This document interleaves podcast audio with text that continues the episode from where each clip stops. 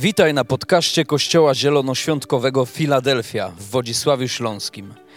Mamy nadzieję, że to przesłanie zachęci Cię do bliższej relacji z Jezusem. Jeżeli jesteś ciekaw, kim jesteśmy, zapraszamy Cię do odwiedzenia naszej strony internetowej filadelfia.org.pl. Do zobaczenia w Filadelfii. Dzień dobry, Kościele. Teraz ja się witam. Wiem, że już się przywitaliśmy wiele razy. E, lubimy się przytulać, pięknie się błogosławiliśmy. Ja sama e, zawsze czuję takie wzruszenie i poruszenie i taką świadomość tego, że każde słowo, które powiem do drugiej osoby ma znaczenie i że rzeczywiście, tak jak e, pastor powiedział, może przynieść życie, a może przynieść śmierć, więc e, błogosławmy się jak najczęściej. E, I to jest cudowne, kiedy my też jako rodzice możemy każdego dnia błogosławić nasze dzieci, ogłaszać nad nimi słowa życia, słowa mocy, bo nikt inny oprócz nas nie będzie e, za te dzieci się modlił. E, dzisiaj ogromny zaszczyt czuję i taką odpowiedzialność też z tego powodu, że w ten letni dzień, tak, bo mamy dzisiaj 17 lipca, jeśli dobrze kojarzę, mogę tutaj stanąć i mogę się podzielić tak naprawdę tym, co z czym Duch Święty przyszedł jakieś trzy tygodnie temu może do mojego serca, kiedy chodziłam po moim pięknym lesie i kiedy zastanawiałam się nad tym wszystkim, co tak naprawdę jest najważniejsze i co tak naprawdę nam, ludziom, którzy kochamy Boga całym sercem, którzy kochamy innych ludzi tak bardzo, co nam przeszkadza w wypełnieniu naszego powołania, co tak naprawdę jest najważniejsze.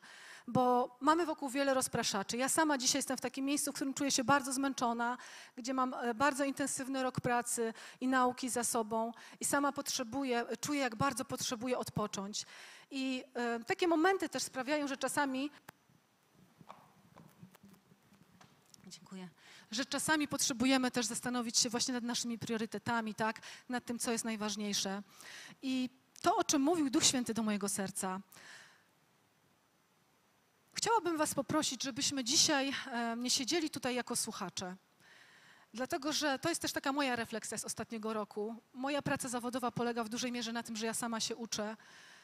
I mam takie wrażenie, że tak dużo czasami wiem, tak strasznie dużo jeszcze nie wiem, ale tak bardzo, bardzo dużo jest do zrobienia. I to do zrobienia jest takim po prostu ogromnym obszarem, gdzie moja wiedza po prostu, gdybym miała procentowo, nie wiem, zmierzyć, ile wiem, a ile z tego, co wiem, e, jest wprowadzonego tak w moim życiu, praktykuję, to ciągle jest mi smutno i przykro, kiedy o tym myślę, bo ciągle tak niewiele. Więc dzisiaj chciałam Was poprosić o to, żebyśmy pomyśleli, bo będę mówiła o bardzo prostej rzeczy, o takim ABC, o takiej po prostu podstawowej rzeczy, ale wierzę, że to z e, takiej Bożej inspiracji, z inspiracji Ducha Świętego. Chciałam Was poprosić, żebyśmy pomyśleli o tym właśnie w tym kontekście nie słuchacza, ale osoby, która chce tego doświadczyć. Po prostu. Osoby, która chce tego doświadczać. Osoby, która zadaje sobie pytanie, jak jest dzisiaj, czego pragnę dzisiaj, co jest dla mnie najważniejsze. Żebyśmy odpowiadali sobie na te pytania i nie wyszli stąd jak ludzie, którzy zdobyli kolejną wiedzę, ale jako osoby, które naprawdę dzisiaj czegoś tutaj doświadczyły. Bo gdy mam E, tą możliwość służyć innym ludziom poprzez dzielenie się swoim sercem czy jakimś doświadczeniem, zawsze mówię do Ducha Świętego, ja tam nie idę po prostu sama, niezależnie od tego, czy to jest, e, czy, czy przemawiam zawodowo, czy, czy jakkolwiek, zawsze zapraszam Ducha Świętego i mówię, ja po prostu chcę być przed, przedłużeniem Twojej ręki, ja chcę być odbiciem Twojego serca, ja chcę być posłańcem Twoim, ja chcę być Twoim listonoszem, ja chcę być w cieniu, ale chcę, żebyś Ty błyszczał, żeby ludzie tak bardzo, bardzo przybliżyli się do Ciebie i zobaczyli Ciebie w tym, co mówię. Więc dzisiaj z taką intencją tu stoję e, i już kończę ten przydługi wstęp i chciałabym dzisiaj mówić o tym właśnie, tak jak tu ładnie się wyświetla, klucz do wypełnienia powołania. Jaki jest ten klucz? Nie wiem, czy kiedyś zastanawialiście się nad tym. I w ogóle, co myślicie o swoim powołaniu? Przepraszam, tylko sobie taki porządek tu zrobię.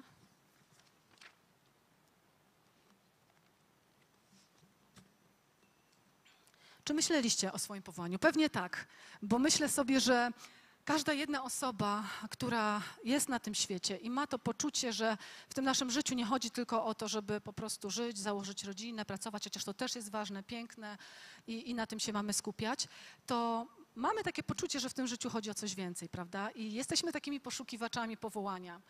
I chcemy to powołanie odkrywać w naszym życiu. I czasami przychodzi jakaś taka łaska i czasami nawet takie maluchy wiedzą, jakie jest powołanie nad ich życiem i to jest niesamowite. I kiedyś w kościele dziecięcym też miałam taki moment, w którym Bóg w proroczy sposób przychodził i pokazywał mi, jakie jest powołanie nad życiem dzieci i to było niesamowite, ale czasami dużo, dużo naszego życia upływa, zanim odnajdujemy to Boże powołanie. Nie wiem, czy się ze mną zgodzicie, tak? Gdyby miały rękę podnieść osoby, które wiedzą, jakie jest powołanie nad ich życiem, nie mówię, żebyśmy podnieśli, ale to jest takie ku refleksji, bo ja naprawdę bardzo długo w moim życiu zastanawiałam się, jakie jest moje powołanie. Takie moje, indywidualne, osobiste. I zanim, zanim pójdę dalej, chciałabym powiedzieć o tym, że tak naprawdę nad nami są takie dwa powołania, tak? Każdy ma to swoje osobiste, takie jak na przykład Jan Chrzciciel miał powołanie do tego, żeby torować drogę Mesjaszowi, tak? To było powołanie jego życia i on to powołanie wypełnił. Ale każdy z nas ma, my wszyscy mamy wspólne powołanie i to powołanie jest zapisane e, zarówno w Ewangelii Jana 15, 12, jak i w Ewangelii Mateusza 22, 39. Ja sobie tylko szybciutko otworzę.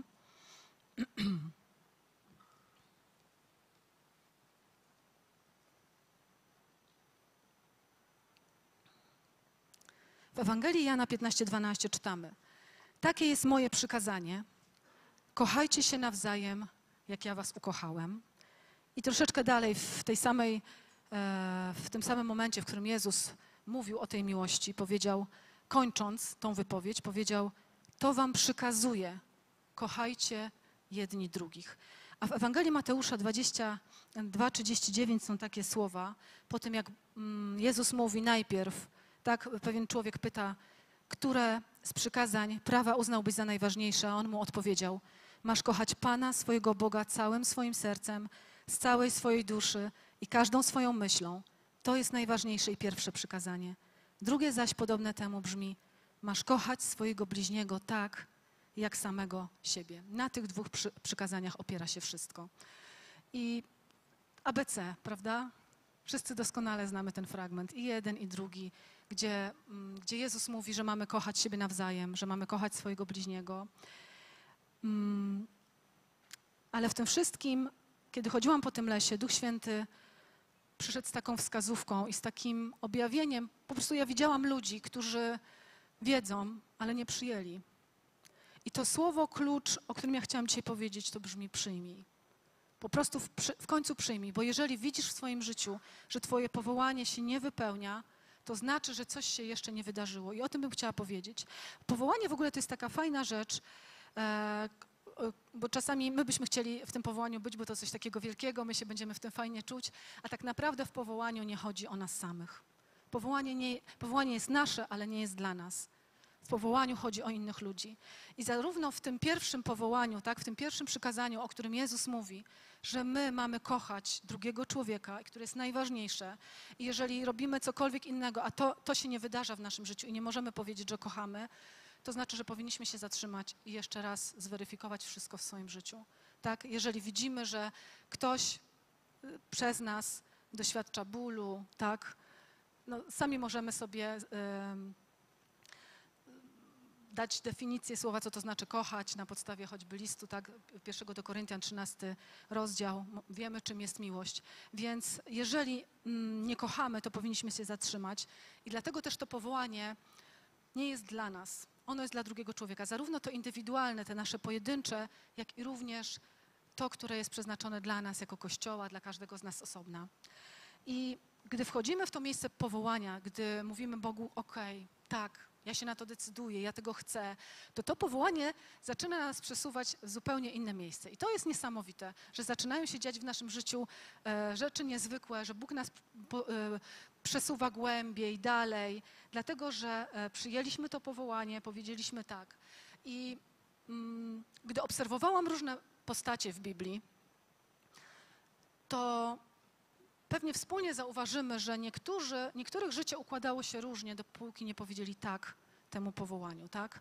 No na przykład, e, gdybyśmy wzięli osobę Jakuba, tak, któremu nadano nowe imię i od momentu nadania nowego imienia jego droga zaczęła się układać inaczej, tak? Historia Jana Chrzciciela, który, o którym było powiedziane, A ty, dziecko, będziesz nazwane prorokiem Najwyższego. Do dziecka to było powiedziane. A ty, dziecko, będziesz nazwane prorokiem Najwyższego, gdyż pójdziesz przed Panem, aby przygotować Jego drogi. Kiedy to powołanie odbieramy, tak, kiedy słyszymy to, czy Gedeon, tak, który był wojownikiem, ale nie przyjął tego powołania, tylko mucił sobie tam to zboże. Dopiero w momencie, kiedy my przyjmujemy, kiedy mówimy tak, zaczyna się wszystko zmieniać. Dlaczego Jezus potrafił umyć nogi uczniom? Dlaczego potrafił być sługą?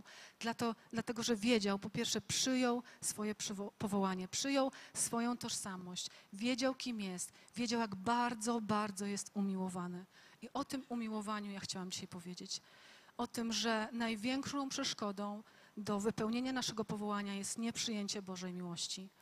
I bardzo, wiem, że to jest podstawowe, ale bardzo silnie odebrałam od Ducha Świętego, że jest mnóstwo osób, które ciągle myślą o sobie krytycznie, które ciągle myślą, nie lubię siebie, które ciągle się obwiniają, które ciągle są w takim miejscu patrzenia na to, czego im brakuje, zamiast dziękowania Bogu za to, co mają, za to, jacy są. I mm, mam taką głęboką nadzieję, że dzisiaj nasze serca będą szeroko otwarte. I jeżeli bo ja wierzę też w to, że my potrzebujemy tego co jakiś czas. Idę już jakiś czas za, e, za, za Panem Bogiem, podróżuję z Nim i widzę, że co jakiś czas ja sama wpadam w taką pułapkę jakiegoś koncentrowania się na sobie, myślenia, wpadania w jakieś smutki, tego, że chcę więcej, chcę inaczej, chcę lepiej i to wpływa na moje myślenie o sobie. A dziś bym chciała, żebyśmy poczuli, odkryli i zobaczyli tą przepiękną, bezwarunkową miłość, która, em, którą Jezus ma dla nas. I zanim będę mówić o tym umiłowaniu, chciałabym, żebyśmy jeszcze zobaczyli jedną rzecz, jak bardzo ważna jest ta miłość. Bardzo lubię taką, e, niektórzy z Was pewnie znają, bo ja już kiedyś opowiadałam tą, e, tą historię średniowieczną. Bardzo ją lubię i, i żebyśmy pomyśleli o niej w kontekście tego pierwszego przykazania, które Jezus dał. To jest średniowieczna historia. E, pewien mężczyzna szedł drogą i zobaczył plac budowy. I na tym placu budowy oczywiście pracowali robotnicy. Podszedł do pierwszego z nich i zapytał, co robisz? I ten człowiek mówi, ten robotnik mówi, układam kamienie. Przechodzień powiedział OK, poszedł dalej, podszedł do kolejnej osoby, która robiła dokładnie to samo, co ten pierwszy robotnik i pyta, co robisz? I ten człowiek mówi, buduję mur. OK. Przechodzień poszedł dalej. Już miał wychodzić z tego placu budowy i zobaczył kolejnego człowieka, który wykonywał dokładnie tą samą czynność, którą pozostali dwaj i pyta go, co robisz? I ten człowiek powiedział: Buduję wspaniałą katedrę. I wiecie, kiedy pierwszy raz akurat przeczytałam tą historię, to pomyślałam sobie, jak często ja nie doceniam tego powołania, które Bóg złożył na moje życie, tak? Tego, że ja mam kochać drugiego człowieka. Jaką ja mam perspektywę tego, do czego zostałam powołana? Czy dla mnie to jest takie, a, kochać człowieka? Czy dla mnie to jest budowanie wspaniałej katedry? Czy ja jestem częścią tego wielkiego dzieła Zbawcy, który chce, żeby ten świat był bardzo dotykany Bożą miłością, żeby zobaczył Stwórcę, bo tak naprawdę Bóg powiedział, potem was poznają, po niczym innym. Cokolwiek zbudujemy wielkiego, nie potem nas poznają, ale po tej miłości. I jeżeli będziemy mieli te, tą perspektywę, ja bym to tak nazwała właśnie powołaniem do katedry. I zawsze, kiedy sobie myślę o tym moim powołaniu i o tym, że to jest pierwsza rzecz, gdziekolwiek idę, jakikolwiek telefon, e, nie wiem, mam e, odebrać, czy ja mam zadzwonić, czy, czy jakiekolwiek spotkanie, ja jestem powołana do katedry. Ja jestem powołana do budowania katedry, do wielkiego dzieła Zbawcy. I mm, to przyjęcie tej tożsamości, to zobaczenie tego, że to nie jest tak, że ja tylko układam kamienie, że jakiś pojedynczy człowiek, od tego się zaczyna. Co chcesz zrobić dla wielu, dla wielu, zrób najpierw dla jednego. Od tego się wszystko zaczyna. I to jest bardzo, bardzo ważne. To przyjęcie naszej tożsamości, żebyśmy zobaczyli wielkość tego naszego zadania.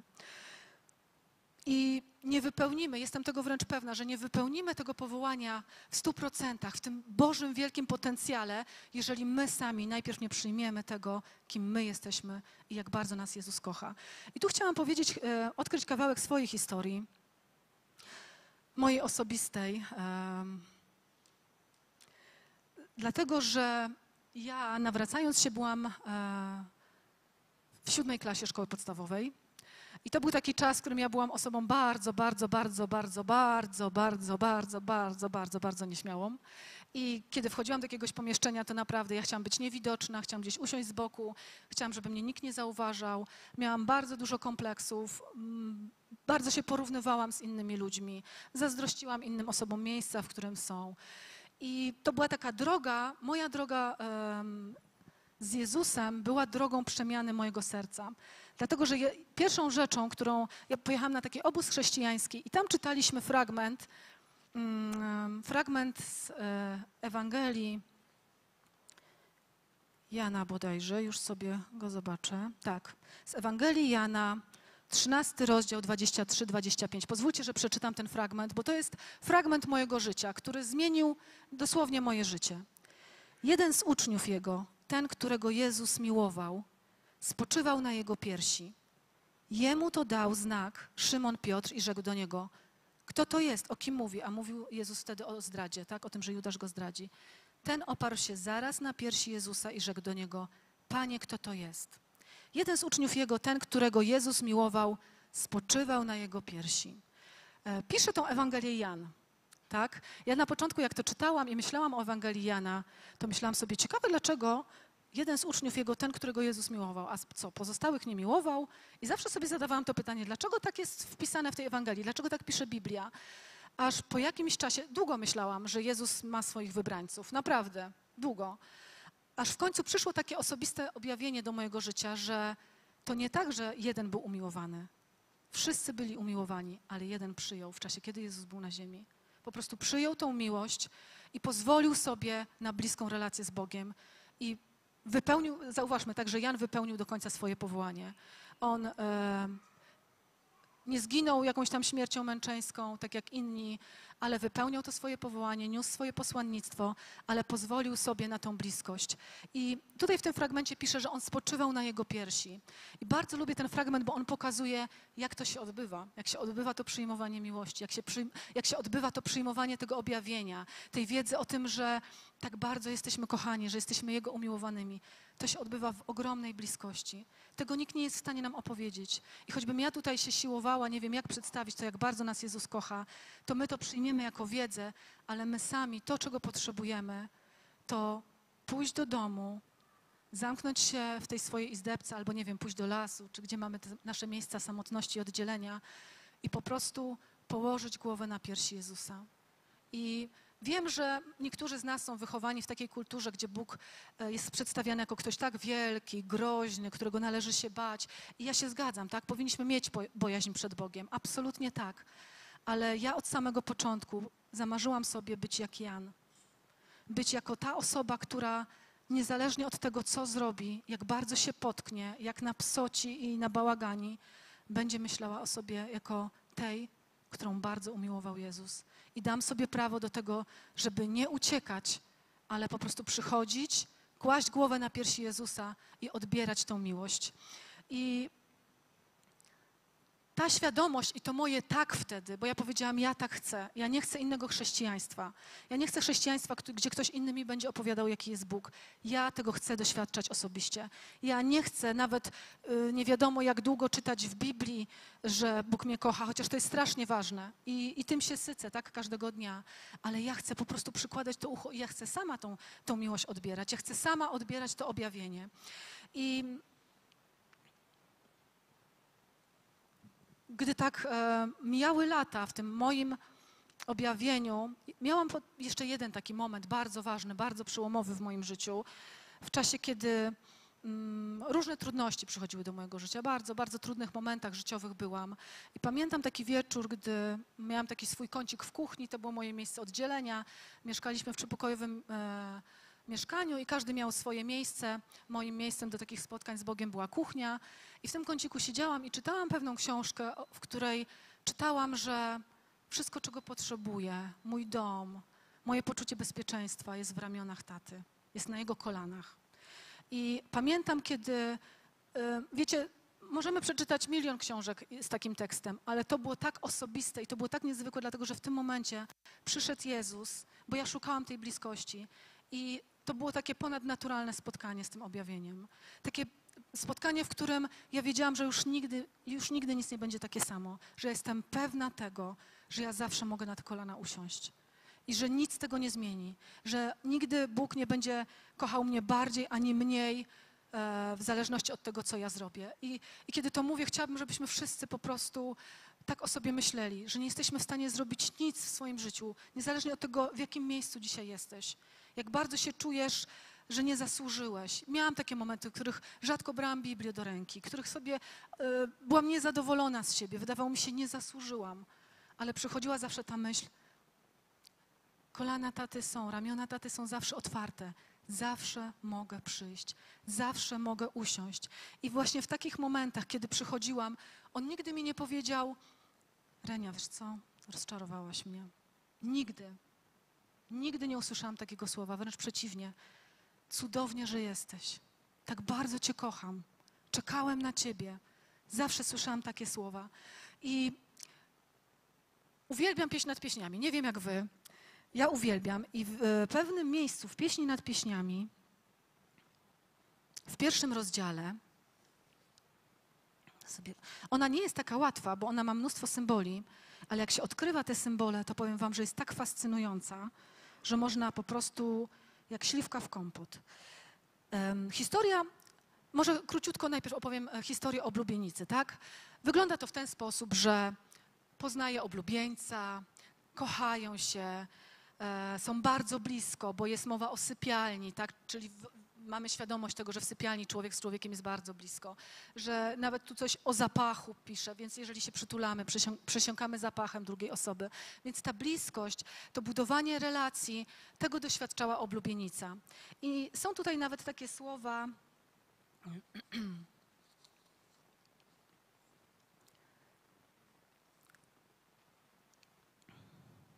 Cieszmy się sobą, oddajmy się rozkoszy. Pamiętam, jak czytałam pierwszy raz te słowa i mnie zatrzymało, zastanowiło to, że nie, nie piszę, ja się, y, ciesz się mną i rozkoszuj się mną. Że tutaj piszę, cieszmy się sobą. Oddajmy się rozkoszy. Że to jest my, ja i oblubieniec, oblubienica i oblubieniec. I mm, bardzo to też zweryfikowało mój sposób myślenia o tym, że mój oblubieniec tak bardzo cieszy się mną tak bardzo cieszy się mną, że ten fragment nie mówi o tym, że ja tylko mam przychodzić się cieszyć nim, ale on cieszy się z każdego spotkania. On się rozkoszuje. Rozkoszuje. I ta historia oblubienicy toczy się dalej. Jest taki moment w jej życiu, że ona um, zaczęła się zajmować jakimiś tam winnicami, czyli czytaj symbolicznie swoją pracą, innymi obowiązkami. E, różnie to jest tak ten symbol tłumaczony, że może służbą, wieloma rzeczami i oddaliła się od swojego oblubieńca. Jest taki moment, w którym ona się zorientowała, że jest gdzieś daleko i że jest jej bardzo, bardzo źle, bo przecież była blisko, przecież doświadczała tej sypialni, doświadczała, jak to jest być blisko z, z oblubieńcem, a teraz jest gdzieś daleko. Pasie stada jakichś obcych pasterzy i zaczyna szukać z powrotem oblubieńca. I e, wiecie, to ja, gdy czytałam ten fragment, to czułam się tak jak ja, kiedy czasami gdzieś się zapędzę, ta relacja jest nie taka, jakbym chciała. Tak, mniej czytamy tej Biblii, niesystematycznie nie spotykamy się z Bogiem. Czasami jesteśmy w takich miejscach i, i zamiast przychodzić do Boga, to my jakoś tak jeszcze bardziej się wycofujemy. I ona była w takim miejscu, w którym nie była zadowolona z siebie. Sama mówi, mojej winnicy nie ostrzegłam. I nie przeszkadza jej to w poszukiwaniu oblubieńca. I gdy go znajduje, to to jest coś, co mnie po prostu powala. Kiedy w końcu go znajduje, to co mówi oblubieniec? Oblubieniec mówi tak, moja najdroższa. Nie mówi, gdzieś ty była. Coś ty robiła. W ogóle. Mówi, moja najdroższa. Wyobraźmy sobie, nie wiem, czy panowie sobie są w stanie, żona się szlaja cały dzień, robi jakieś różne rzeczy, przychodzi do domu, a on, moja najdroższa. Głodny jestem. No. A oblubieńc mówi, moja najdroższa. I co mówi dalej? Słuchajcie, to jest niesamowite. Przemawia, zaczyna przemawiać do jej serca z miłością. Wie, z jakim obciążeniem ona przychodzi. Wie, co ona myśli o sobie i mówi, mówi o jej pięknie, mówi o jej sile. Bo co mówi? Przyrównam cię, moja najdroższa, do klaczy wśród ogierów Faraona, czyli do najbardziej szlachetnych koni, tak? Piękne są Twoje policzki wśród klejnotów i Twoja szyja zdobna koralami. Tu jest dużo symboli. Ja może teraz nie będę się pochylała nad tymi symbolami, ale to, co się tutaj zadziewa, to to, że oblubienica przychodzi do oblubieńca, a on jej mówi, moja najdroższa, jak jesteś piękna. I pokazuje jej to, bo potem mówi, zrobimy ci jeszcze złote warkoczyki, czyli mówi, co się będzie wydarzało. On pokazuje jej, jaka jest przyszłość przed nią. W ogóle jej nie gani za to, co robiła. Po prostu wie, że ona pierwsze, czego pragnie, czego potrzebuje, ona potrzebuje usłyszeć, kim jest i jaka jest relacja dalej między nimi. I em, kiedy myślę sobie o tym, to po prostu nie znam nikogo, kto, kto miałby taki poziom miłości. Ja sama się po prostu muszę ciężko tego uczyć, żeby tak reagować. I uczę się tego. I widzę, jak to najbardziej działa na dzieciaki, tak? Kiedy dzieciaki nabroją, zrobią coś złego. I miałam taką sytuację niedawno. Mój syn napsocił mocno i przyszedł i przyznał się. I wiedziałam, że nie mogę powiedzieć ani jednego słowa krytyki, ale mogę go przytulić, powiedzieć mu, że bardzo, bardzo go kocham i to było wszystko, co mia- ja wiedziałam, że to jest wszystko, co ja mam zrobić. I powiedzieć mu, jaka jest dla niego przyszłość, myśląc o tym fragmencie z pieśni nad pieśniami. I wiecie, nie potrzeba było żadnego słowa korekty. On sam podjął swoje decyzje, on sam podjął swoje postanowienia i to dobroć Boża nas prowadzi do nawrócenia. I to jest po prostu coś pięknego. Umieć osobie, która robi coś złego i myślę, że my tak dużo jeszcze musimy się nauczyć o miłości i o tym, jak kochać drugiego człowieka. Bo czasami, wybaczcie, że to powiem, ale zobaczymy kogoś za rogiem z papierosem i już nam się ocena w głowie włącza, tak? Piękny chrześcijanin. Każdy, każdy z nas jest w procesie, każdy z nas jest na swojej drodze przemiany. Podejść, przytulić, powiedzieć to, spojrzeć na tą oczy, oczami oblubieńca. Moja najdroższa, mój najdroższy. A potem mówić o tym, jak, jak Bóg do nas mówi, jak nas widzi. Jesteś silna i co jest przed tobą.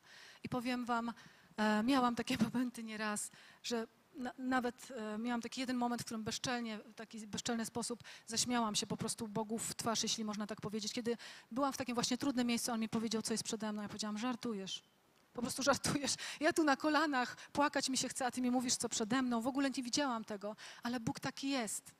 On taki jest, jak ten ojciec, tak, który wybiega na to spotkanie z synem marnotrawnym, który zostawia te 99 i szuka po prostu tej jednej. Ja bym strasznie chciała, żebyśmy dzisiaj poczuli to, jak bezgraniczna jest Jego miłość, jak po prostu jest ogromna, jak my nie jesteśmy w stanie niczego zrobić, żeby, żeby ją zmniejszyć. Dlaczego tak mi na tym zależy? Dlatego, że tylko to sprawi, że, że kiedy powiemy przyjmuję, przyjmuję, to my, ja sobie wyobrażam Kościół, cudownych mężczyzn, cudowne kobiety, którzy przyjęli swoją tożsamość, przyjęli tą miłość i wychodzą po prostu wypełniać swoje powołanie. Wyobrażacie to sobie?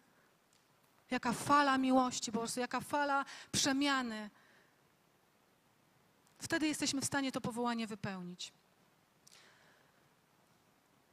Jeszcze mam troszkę czasu. Mm.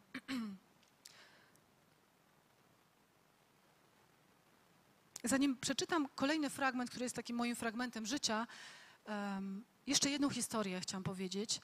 Niedawno, może dwa miesiące temu, w kościele dziecięcym mm, rozmawialiśmy z dziećmi o tym, jak jesteśmy cudownymi stworzeniami, tak? Czyli mniej więcej o tym, jak Pan Bóg nas uczynił. Ja akurat miałam zajęcia ze starszą grupą.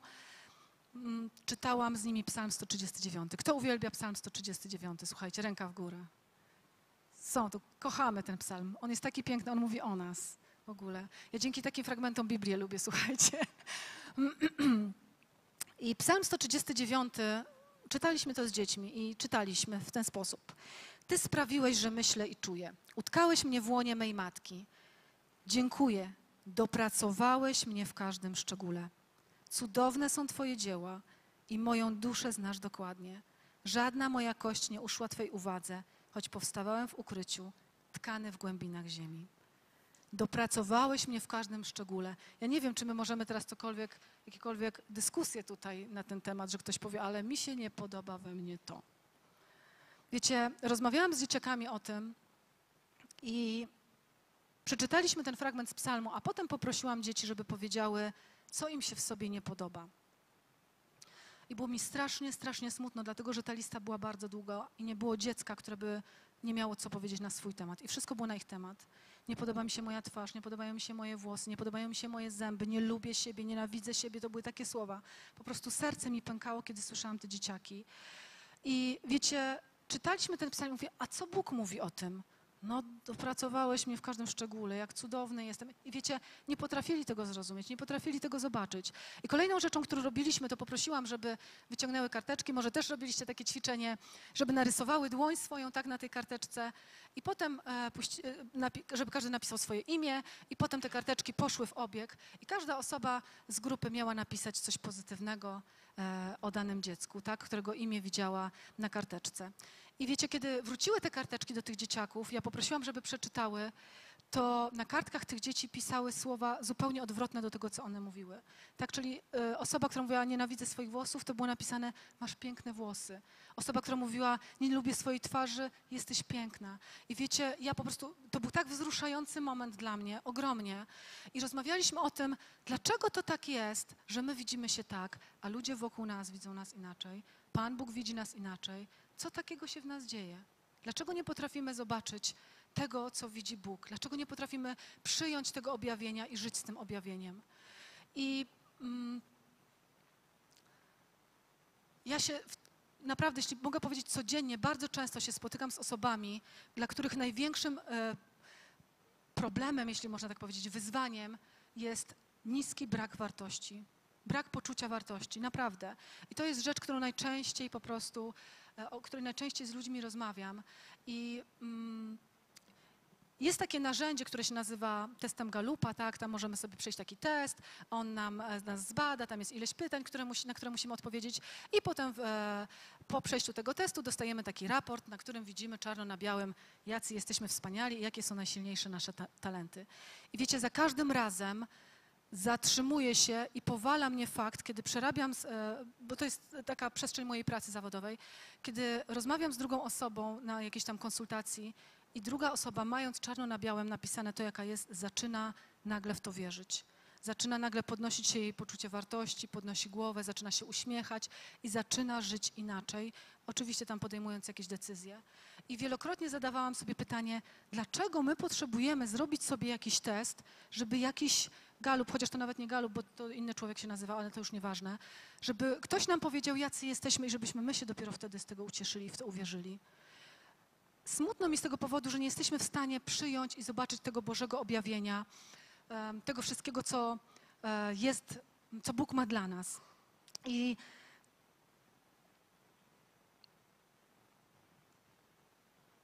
I w Izajaszu w 62 rozdziale, czwartym wierszu są słowa, które też są słowami mojego życia.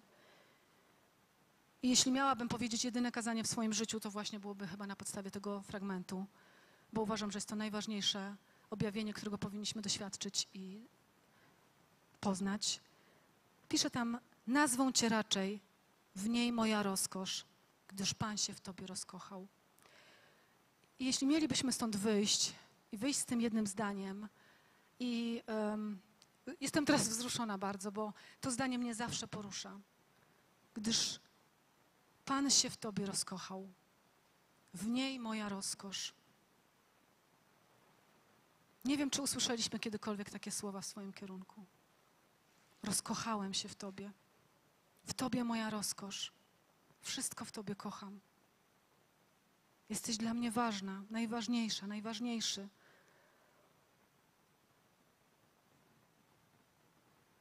Bardzo potrzebujemy położyć głowę na piersi Jezusa i każdego dnia tego słuchać. Bardzo tego potrzebujemy. Bardzo, każdego dnia. I jeżeli nie będzie tej bliskości, jeżeli nie będzie tej systematyczności w tym, to to będzie się ulatniało. Tak jak ze wszystkim innym. Zapominam, zapom zapomnieliśmy, prawda, czego się nauczyliśmy w szkole. Jak z dziećmi się tam czegoś mam nauczyć, chemia, biologia, o mamo, matematyka. Na nowo muszę sobie wszystko przypominać. Tego nie możemy zapomnieć. Tego po prostu nie możemy zapomnieć. W niej moja rozkosz, gdyż Pan się w Tobie rozkochał. Jesteś umiłowanym uczniem Jezusa, jesteś umiłowaną córką króla. I takie mam pytanie: czy pozwalasz na to, żeby Jezus do ciebie to mówił każdego dnia? Jeśli do tej pory nie miałeś odwagi e, i myślałeś sobie, kim ja tam jestem, jeśli mi tylko pozwoli uklęknąć przy stopach, to będzie dużo, to odważ się, odważ się przybliżyć. I odważ się zadać to pytanie: powiedz mi, jak bardzo mnie kochasz. I On otworzy wtedy swoje serce, swoje usta. Możesz otworzyć sobie Księgę Izajasza i przeczytać. I, on ci, I wtedy usłyszysz, w Tobie moja rozkosz. Rozkochałem się w Tobie bardzo.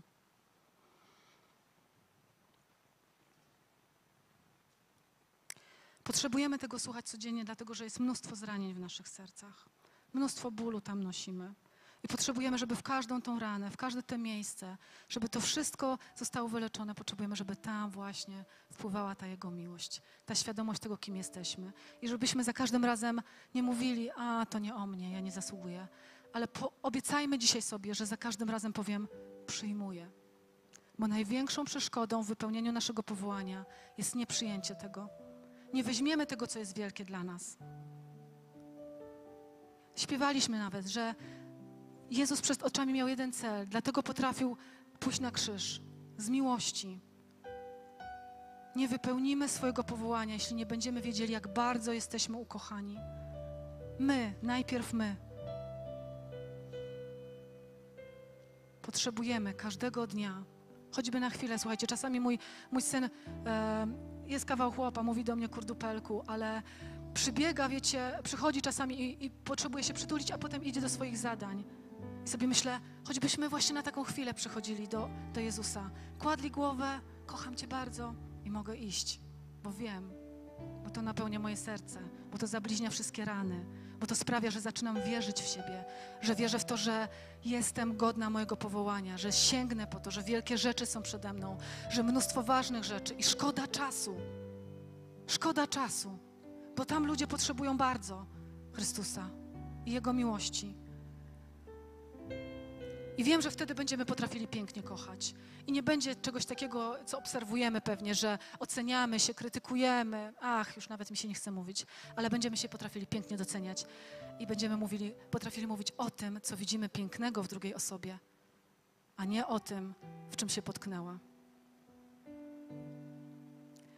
I jeżeli jesteś tutaj pierwszy raz, i nigdy nie żyłeś w bliskości z Bogiem, takiej bliskiej relacji,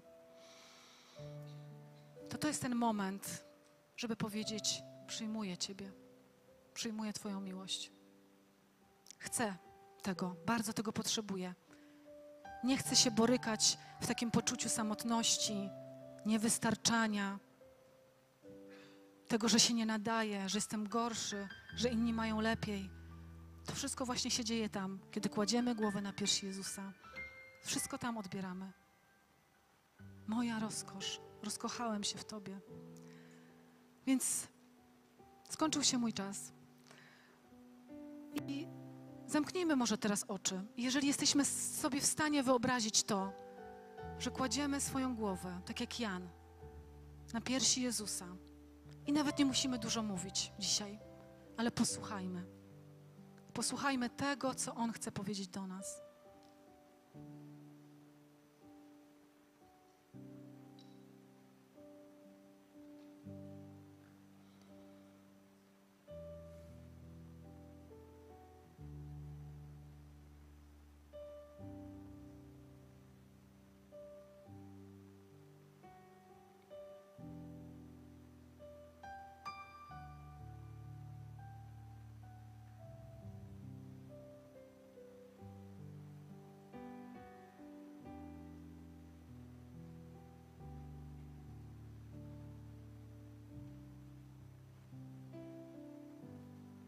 Tatusiu, tak bardzo Ci dziękujemy za Twoją miłość. Nie potrafię jej zrozumieć. Zachwyca mnie.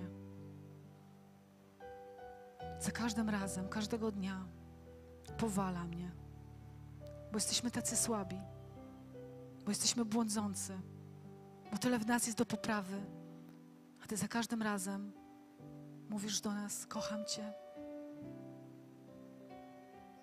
Rozkochałem się w Tobie. Razem zrobimy wielkie rzeczy. Tak bardzo w nas wierzysz. I tak cieszysz się z naszej obecności. Z każdej chwili, w której zwracamy swój wzrok na Ciebie, z każdej myśli, która biegnie w Twoim kierunku. Nie masz pretensji, nie jesteś rozczarowany, ale cieszysz się każdym drobiazgiem płynącym w Twoim kierunku z naszej strony. Ja chcę tak kochać innych. Ja dzisiaj przyjmuję całą Twoją miłość, bo chcę kochać tak innych. I ja ogłaszam to błogosławieństwo nad tym kościołem. Filadelfia, braterska miłość. Niech to kościół będzie znany z miłości. Ja teraz przełamuję jakąś wszelką zwierzchność, która jest nad tym kościołem, jeśli jest.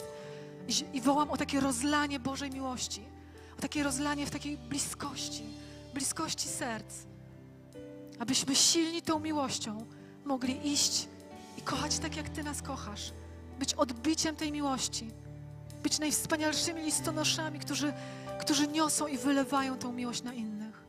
Dziękujemy Ci za to powołanie nad naszym życiem, za to powołanie do katedry, za to powołanie do kochania.